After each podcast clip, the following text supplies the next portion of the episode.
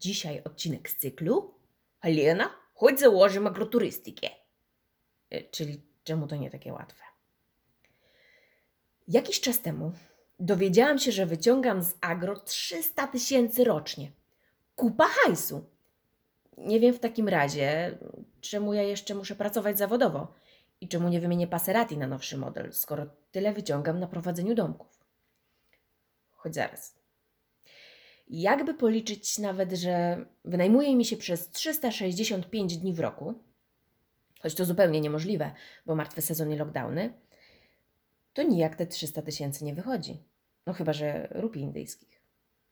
Chyba muszę osobę, która mi to powiedziała, zatrudnić do prowadzenia kreatywnej księgowości. No bo nawet jak sobie ktoś moje ceny weźmie i pomnoży przez jakąś tam liczbę dni, to nadal mu nie wyjdzie, ile faktycznie to zarabia. Bo dla osób, które nie znają branży, koszty prowadzenia takiej działalności nie istnieją. Albo istnieją, ale zazwyczaj są zaniżone jakieś 10 razy w stosunku do rzeczywistości. Jeśli przez myśl Wam przeszło, że chcielibyście zacząć wynajmować krótkoterminowo jakiś dom, no to myślę, że ten odcinek pomoże rozwiać Wam wszelkie wątpliwości. No albo wprost przeciwnie, będziecie mieć po nim mnóstwo wątpliwości. Zaczniemy od tego, z powodu czego większość osób decyduje się na zaczęcie wynajmu, czyli pieniądze. I negatywna ich strona na początek koszty. Będę omawiać tutaj na swoim przykładzie. Po pierwsze, moje koszty nazwijmy je eksploatacji, czyli takie, które są niezależnie od tego, czy chaty się wynajmują, czy nie. I jest to kredyt, ubezpieczenie, podatki, telefon, internet, reklama, prąd, woda, opał, paliwo. Dlaczego prąd, woda, opał i paliwo? Ano dlatego, że w sezonie zimowym trzeba przyjechać i w chatach przepalić, żeby chociażby woda w rurach nie zamarzła i rury nie pękły. Do tego dochodzą koszty związane z wynajmem. Sprzątanie, gaz, pralnia, śmieci, środki czystości, środki do dezynfekcji, worki na śmieci, ściereczki, gąbeczki, mydło, płyn do mycia naczyń, rozpałka, paliwo, bo do pralni jeżdżę 60 km, a śmieci muszę wozić 2,5 km, bo zakład komunalny nie chce do mnie przyjeżdżać i ich odbierać. I myślicie, że to już koniec kosztów? Otóż nie. To dopiero początek. Do tego dochodzą koszty związane z różnymi naprawami i średnio co dwa miesiące coś się psuje lub ktoś coś psuje. Do tego koszty związane z koniecznością wymiany zużytych elementów wyposażenia i na koniec koszty dodatkowe, czyli te związane z rozbudową i rozwojem miejsca, czyli remonty, doposażenie, czy jak to w moim przypadku wydarzenia. Bo na warsztatach, które u siebie organizowałam, nie zarobiłam, tylko straciłam, ale tu nie liczył się zarobek, tylko rozwój miejsca i realizacja mojej idei. Nadal chcecie się zajmować wynajmem domków? No to posłuchajcie dalej. Kilkoro moich sąsiadów, widząc ile osób do mnie przyjeżdża, też zaczęło zastanawiać się nad wynajmem. I po rozmowie z nimi okazało się, że oni widzą to tak. No bo ile z tym roboty? Stoją domki, coś tam się trochę posprząta i warszawiaki przyjadą. No, niestety.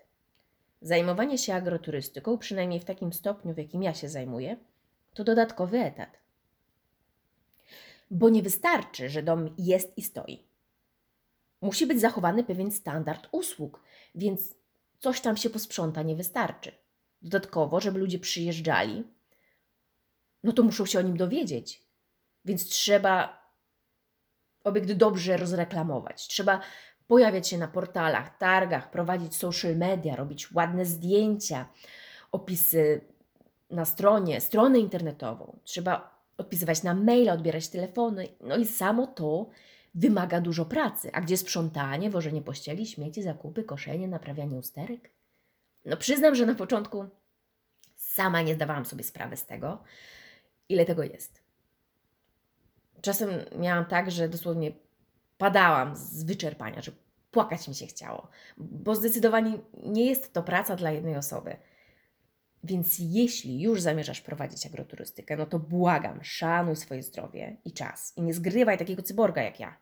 Weź kogoś do pomocy, a najlepiej kilka osób. Kolejny minus, a właściwie trudność, no to taka typowa polska zawiść osób z okolicy, które widzą sam sukces, ale nie zdają sobie sprawy z tego, ile musiałeś poświęcić i ile siły włożyć w to, by osiągnąć to, co osiągnąłeś. Czyli ludziom wydaje się, podkreślam, wydaje się, że zarabiasz 300 tysięcy jak coś chcesz od nich kupić, to dostajesz adekwatną do swoich zarobków cenę. Na szczęście są to wyjątki, no ale trzeba mieć świadomość, że i tacy ludzie są. No i wychodzi na to, że domki na wynajem to jest jakaś droga przez mękę, że nie można na tym dobrze zarobić. Są same trudności i problemy, więc po co ja to robię? To, co napisałam na swojej stronie, czyli to, że spełniam tutaj swoje marzenie o agroturystyce i o tym, by dzielić się z ludźmi pięknym podlaskiej wsi i spokojem, który daje las, to nie frazes, tylko mój cel, który mimo tych wszystkich niedogodności realizuję i chcę realizować. No ale co z tego mam? Po pierwsze, ogromną satysfakcję z tego, że mogę rozwijać to miejsce. Po drugie, dobre słowa ludzi, którzy pokochali to miejsce. Po trzecie, mnóstwo nowych wartościowych znajomości. No i po czwarte, nadzieję na to, że to miejsce kiedyś będzie takim moim miejscem marzeń, takim sanktuarium natury opleciony podlaskim folklorem. Ale popłynęłam. Yy, ale reasumując, prowadzenie domków na wynajem to nie bułka z masłem, lecz nie wiem, pajda chleba z przesolonym wegańskim smalcem. Krzywisz się jak jesz, ale chętnie sięgasz po kolejną, no bo w końcu można to zagryźć swojskim ogórkiem od pani Wali. No. Także jeśli macie jakieś pytania dotyczące prowadzenia, remontowania czy czegokolwiek związanego z wynajmem, piszcie do mnie na Instagramie lub Facebooku, na las się żyje. A tymczasem zapraszam do rezerwacji moich domków. Na las się żyje i do usłyszenia za dwa tygodnie.